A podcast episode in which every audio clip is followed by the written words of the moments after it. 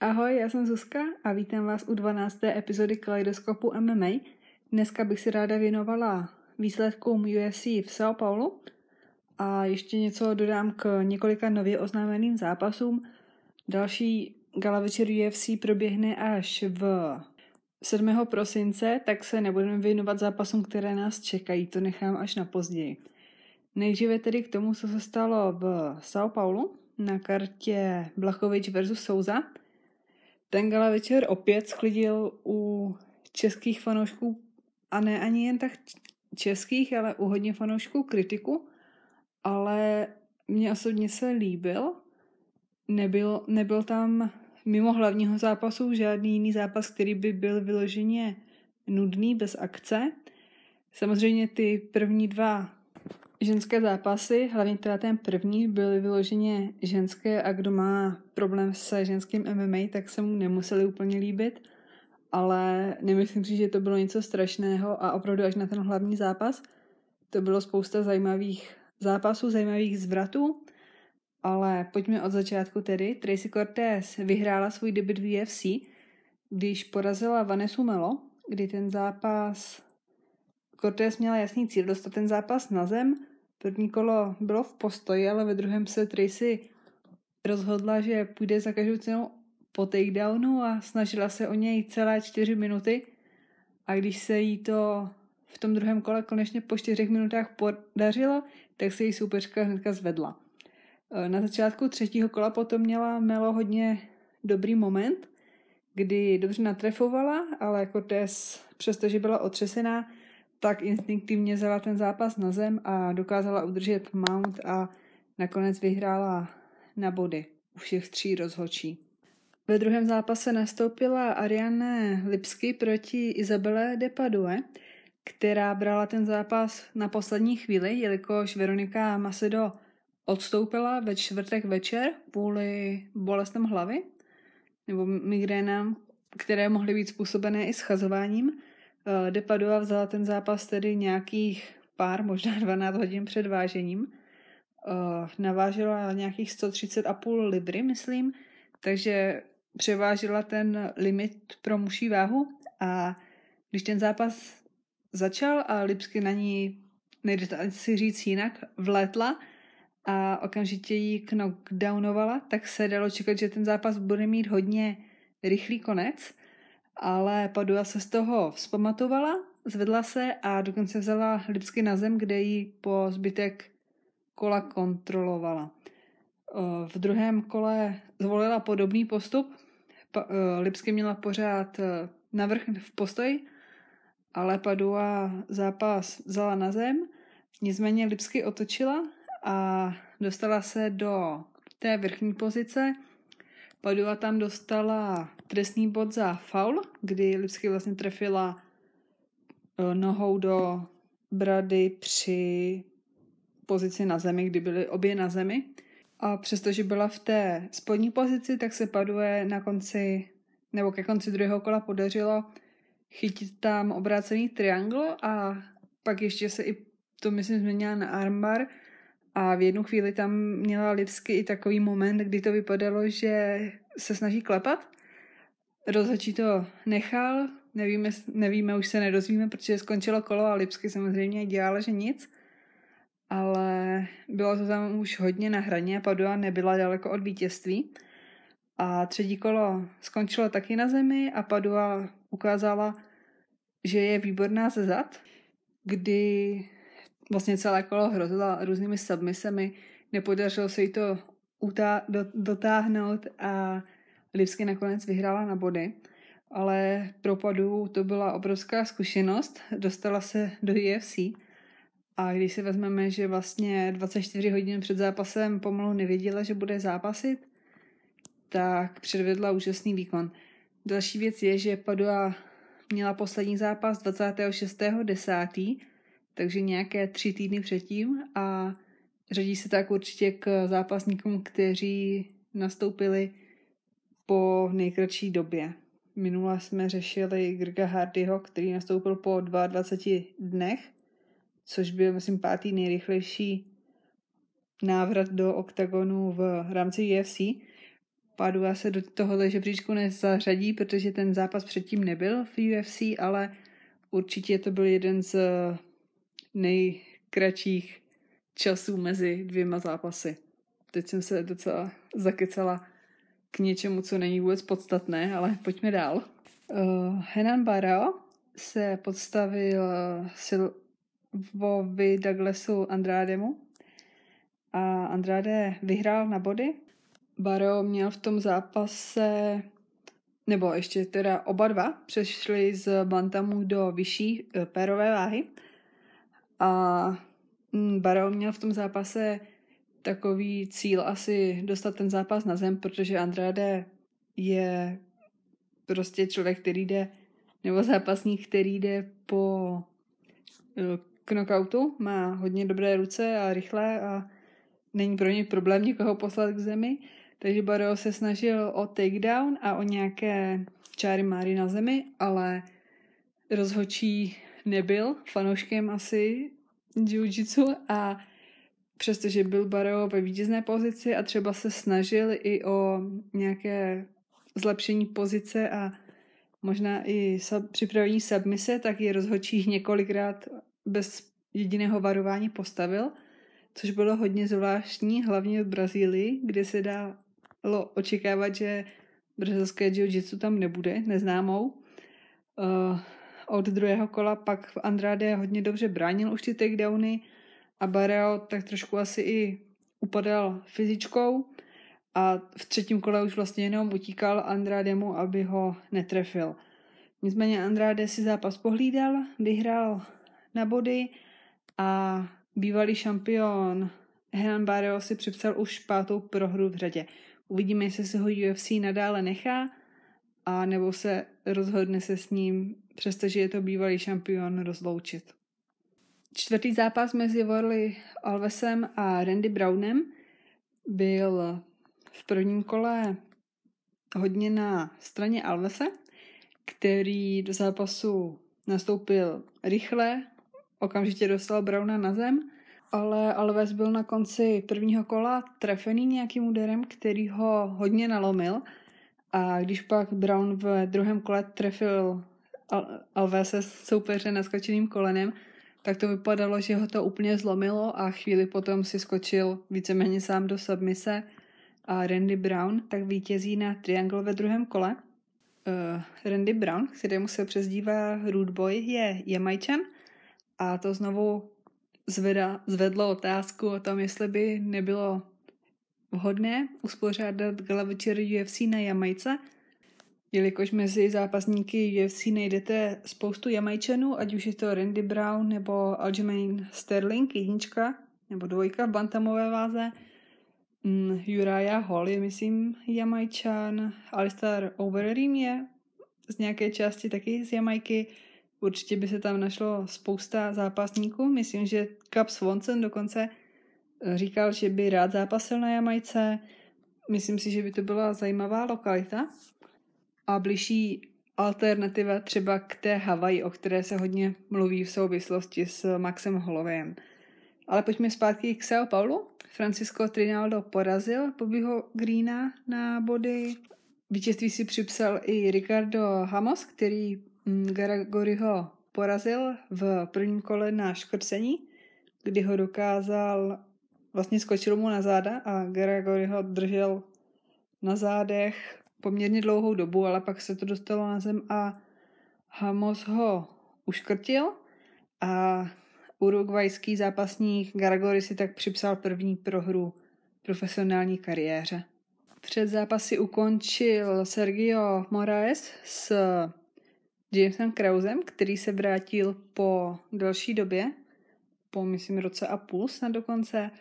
A on tím, že je trenér, hodně i trénuje, včetně nějakých zápasníků UFC, tak místy vypadalo v tom zápase, že Kraus je takový, jak to říct, že by jako kdyby trénoval prostě, že hodně četl toho soupeře, přemýšlel, promýšlel ty tahy a nakonec dokázal Moraese ve třetím kole knockoutovat mm, myslím, že docela v celku impozantním Volkov KO a připsal si tak čtvrtou výhru v řadě. V dalším zápase se pak představil Markus Perez s Wellingtonem Turmanem, který vyhrál na body Turman, ale ještě bych chtěla se vrátit k veřejnému vážení, na které si Perez připravil takovou specialitu a udělal si na obličej masku Jokera, ale ne, ne, no vlastně byl kreativní v tom zápase, nicméně jenom dopředu a měl poměrně problém s defenzivou a jakmile na něj Turman zatlačil, tak se v jeho hře, ne v jeho hře, ale v jeho výkonu objevovaly poměrně velké rezervy.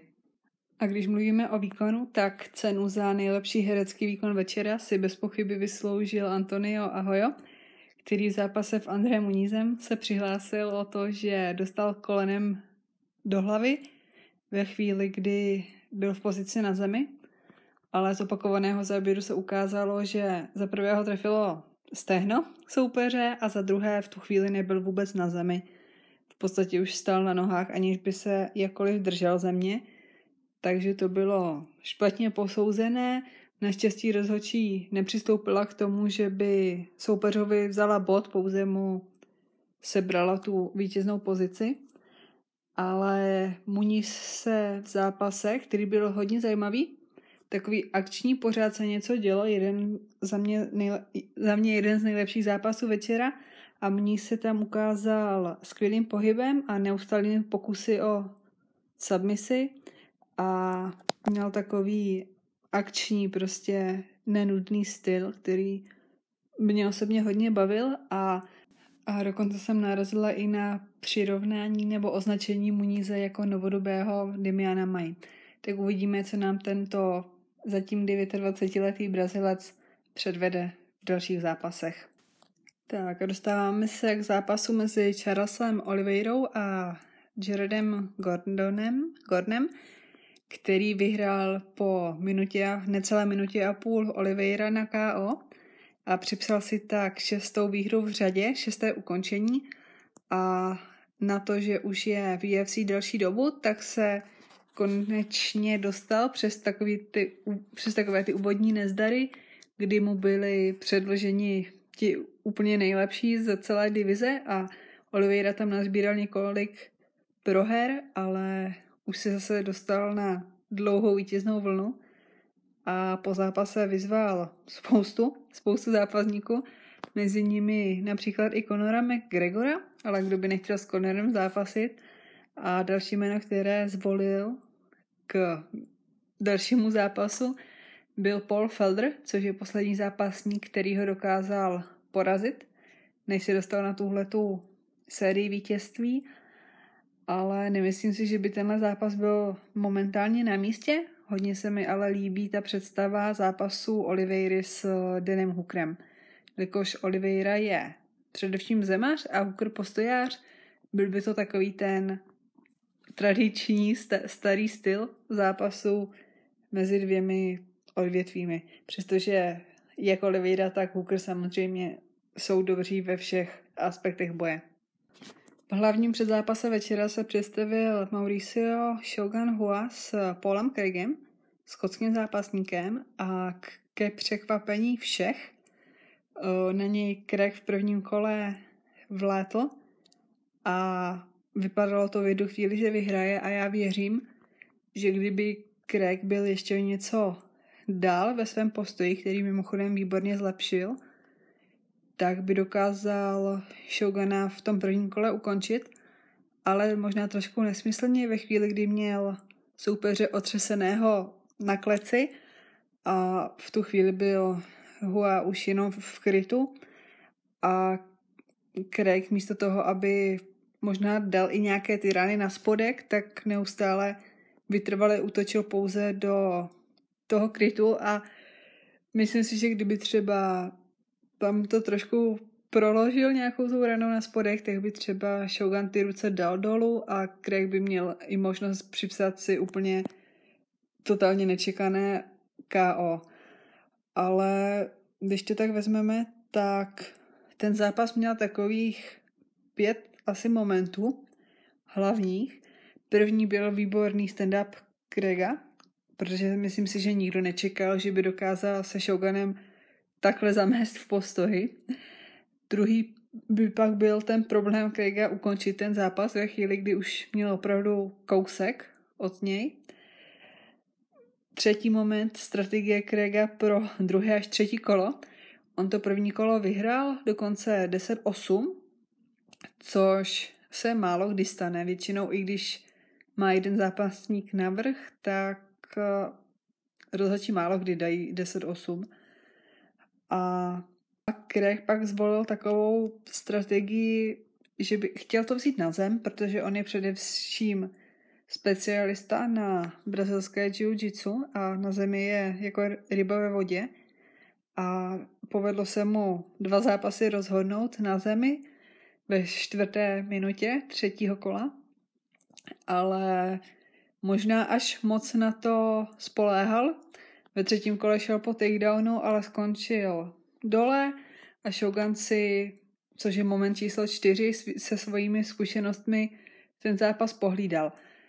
Na úplném konci zápasu posledních 30 vteřin možná se Craig dokázal postavit a znovu hodně zaútočil, už věděl, že do toho musí dát všechno.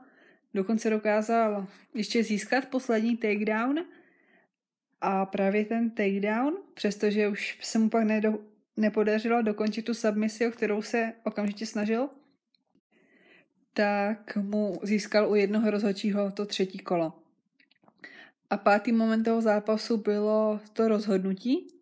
Zápas nakonec skončil jako split draw, takže jeden rozhodčí to připsal eh, Shoganovi, druhý Craigovi a jeden to měl 28-28, což odpovídá tomu, že První kolo měl Craig 10-8 a pak ty další dvě Shogun 10-9, což za mě bylo naprosto dobré hodnocení, ale co mě překvapilo je, takže ten jeden rozhodčí opravdu připsal ten zápas Craigovi. On první kolo jasně vyhrál a tam těch 10-8 bylo určitě na místě, ale ve druhém ani třetím kole Rozhodně neměl navrh ani nediktoval tempo, víceméně obě dvě kola jenom ležel na zemi a i když ho Shogun se snažil dostat zpátky nahoru, tak se nechtěl zvedat a možná to trošku prohrál. No. Prohrál to tím, že čekal na submisi a i tím, že to bylo v Brazílii, tak jsem čekala, že Shogun prostě to rozhodnutí dostane a že vyhraje. Nicméně Shogun v tom zápase nevypadal moc ve formě a tím, že Craig rozhodně není žádný elitní striker, tak se ukázalo, že na tom není tak dobře, jak by asi si představoval. A viděli jsme, že ve chvíli Hua byl naposledy postavený elitnímu, opravdu dobrému strikerovi, tak před rokem a půl okamžitě prohrál po snad minutě s Anthony Smithem. A další věc je, že ono by se to asi nemělo takhle hodnotit, podle toho, jak ten zápasník vypadá, ale damage je určitě jedna z těch kategorií, které mohou hrát k tomu, na čí stranu se rozhodčí přikloní. A Craig vypadal úplně v pořádku, jako by ani nezápasil a Shogun byl hodně dobitý po tom zápase. Zajímavé je, že Craig měl údajně nějaký kat na obličeji ze sparingu, snad i dokonce stehy, které se snažil samozřejmě schovat před komisí a povedlo se mu to zakrýt a mohl zápasit, ale že měl tam nějaké prostě nedohojené místa na obličeji a Hua ne- nedokázal ho ani třeba trefit nějak, že by se mu to roztrhlo nebo něco. Opravdu Craig vypadal, jako kdyby jenom tak prošel kolem a nezápasil. No ale pojďme k hlavnímu zápasu večera mezi Jenem Blachovičem a Žakaré Souzou. Byla to možná prohra obou, jak se říká, že jsou zápasy, které nikdo nemůže prohrát, tak tenhle nemohl nikdo vyhrát. a nebo spíš, jak se říká, že vyhráli oba, tak tohle prohráli oba. A bylo to takové možná čekání na Godota, který nepřišel a v paralele s tím ani Blachovičův útok, který se mohlo čekat, ne, nepři, nepřišel. Souza zvolil taktiku wrestlení, chtěl dostat Blachoviče na zem, ale když se mu to v prvním kole moc nedařilo, tak od toho pak trošku odstoupil a spíše volil tu kontrolu na plativu. A Blachovi samozřejmě výborně bránil takedowny, on tomu i podnítil, věnoval přípravu. A opravdu ty, ty obrany takedownů měl dobře nadrilované, ale každopádně za mě Jacare vyhrál první tři kola, v tom čtvrtém a pátém pak trošku zpomalil, ale přesto Blachovič neudělal nic moc navíc, netrefil ho žádným úderem, který by ho nějak znatelně ohrozil. V jednu chvíli tam jsou sice spadl na zem, ale to spíš vypadalo, že mu podklouzla noha. A jak říkám, byla to taková prohra pro oba zápasníky. První tři kola určitě Souzovi, poslední dvě potom, protože Souza poměrně dost pomalil, tak bych souhlasila s tím Blachovičem. Nicméně Blachovič pak získal to rozhodnutí a zajímavé bylo slyšet uh, názor Dana Hardyho, který říkal, což mě osobně třeba překvapilo, je, že vlastně kontrola oktagonu může být brána i pro toho zápasníka, který je v ústupu, který třeba utíká a ten druhý zápasník, ten, který na první pohled útočí, ho musí nahánět, protože ten, který jakoby utíká, tak diktuje vlastně, kterým směrem se bude ten zápas vyvíjet. Což je podle mě dost zajímavé a nedokázala bych o tom takhle uvažovat. Teďka už samozřejmě dokážu, ale nenapadlo by mě to. Ale já jsem like, že jo, takže tak a co tenhle zápas znamená pro polotěžkou váhu? Čekal, čekalo se, jak Blachovič vyhraje, jestli třeba nebude mít nějaké další KO, jako se mu povedlo v letě ukončit Rockholda, ale nedošlo k němu a ten zápas nebyl zrovna dvakrát atraktivní a k mému potěšení to asi Blachoviče vyřadilo z toho titulového mixu, ve kterém je teďka teda Dominik Reyes a Corey Anderson.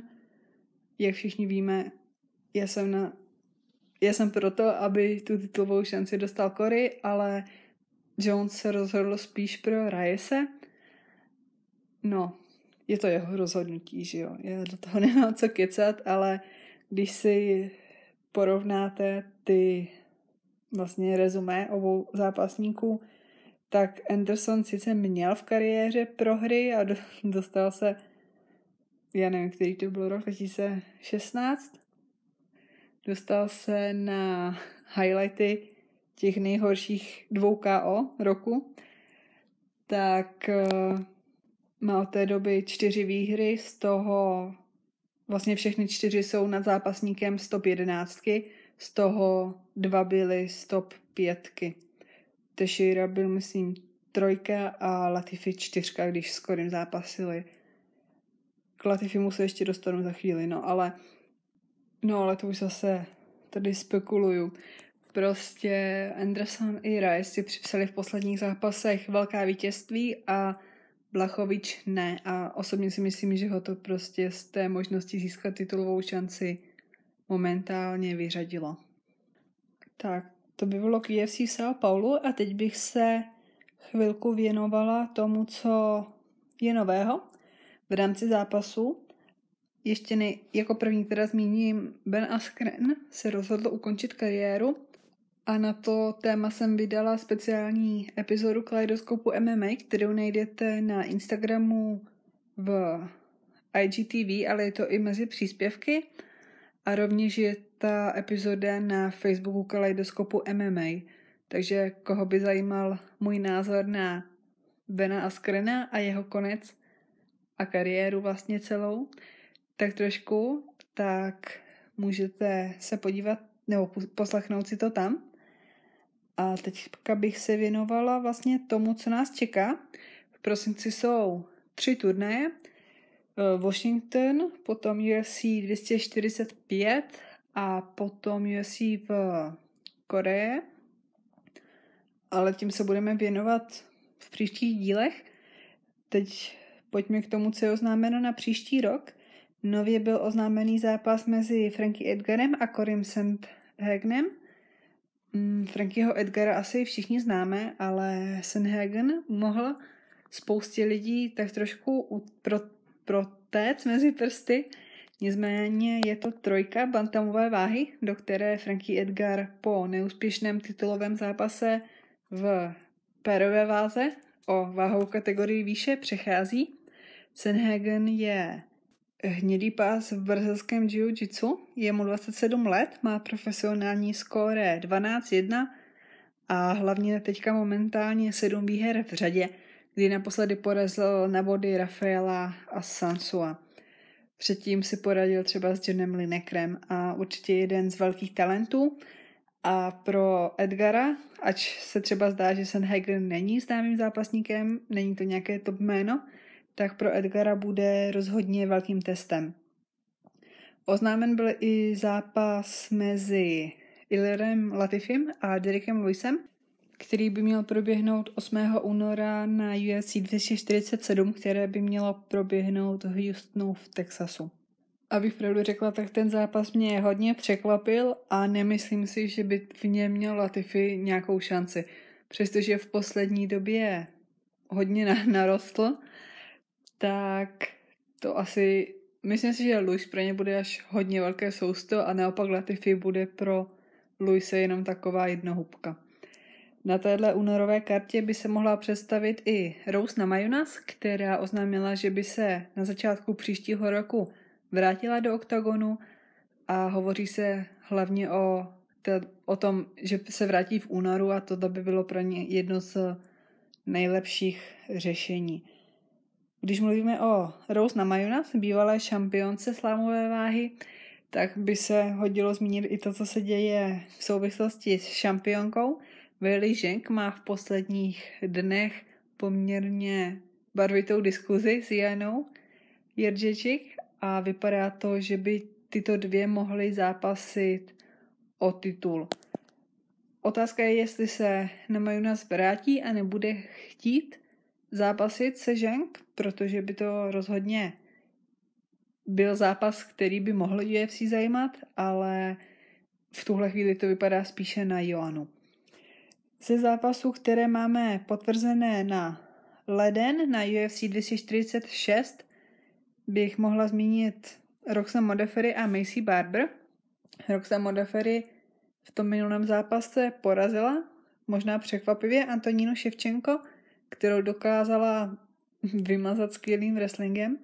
Nicméně Macy Barber je rovněž wrestlerka, připravuje se pod vedením Benha Askrena a dalších v Rufu sportu a mohla by rozhodně Modafery ohrozit, ale Roxanne Modafery je typ zápasnice, nebo osobnost vlastně zápasnice, kterou asi nejde nemít rád.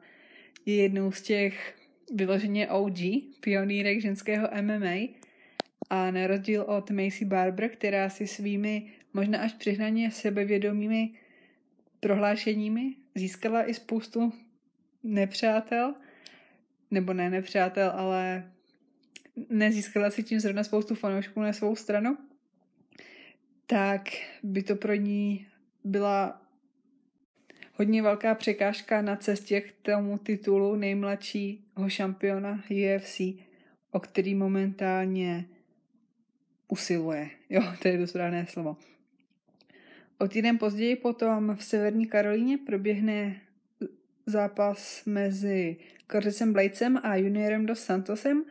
Dos Santos se vrací po té infekci, která ho donutila odstoupit ze zápasu s Volkovem, který měl proběhnout v Moskvě. A teď se tedy utká s Curtisem Bladesem. Další zápasy samozřejmě na této kartě se představí Lucie Pudilova proti Justin Kish. A z těch dalších zápasů, které by mohly české fanoušky zajímat, je zápas mezi Jimahalem Hillem a Darkem Stosičem. Na únor máme zatím potvrzené UFC 247 v Houstonu, tedy v Texasu. Potom 23. února v Aucklandu na Novém Zélandu, kde by možná mohl zápasit právě Dan Hooker, nebo Dan Hooker se dá předpokládat, že tam bude zápasit jako novozélandský zápasník. Stejně tak Kekara France. Ale co jsem chtěla hlavně říct, je, že by se tam mohl představit Izrael Adesanya ve své první obhajobě pásu šampiona. V posledních dnech se hodně mluví o jeho možném zápase s Polem Kostou. A abych dokončila ty oznámené gala večery, tak 14. března se UFC ukáže v Brazílii. V Brazílii. Tak. A tím bych to asi pro dnešek ukončila. Koukám, už zase máme přes 30 minut a je to asi tak záživné jako ten zápas mezi Blachovičem a Souzou. Takže se mějte hezky, sledujte Kaleidoskop MMA na Instagramu, na Facebooku a já se budu těšit u další epizody. Takže ahoj. thank you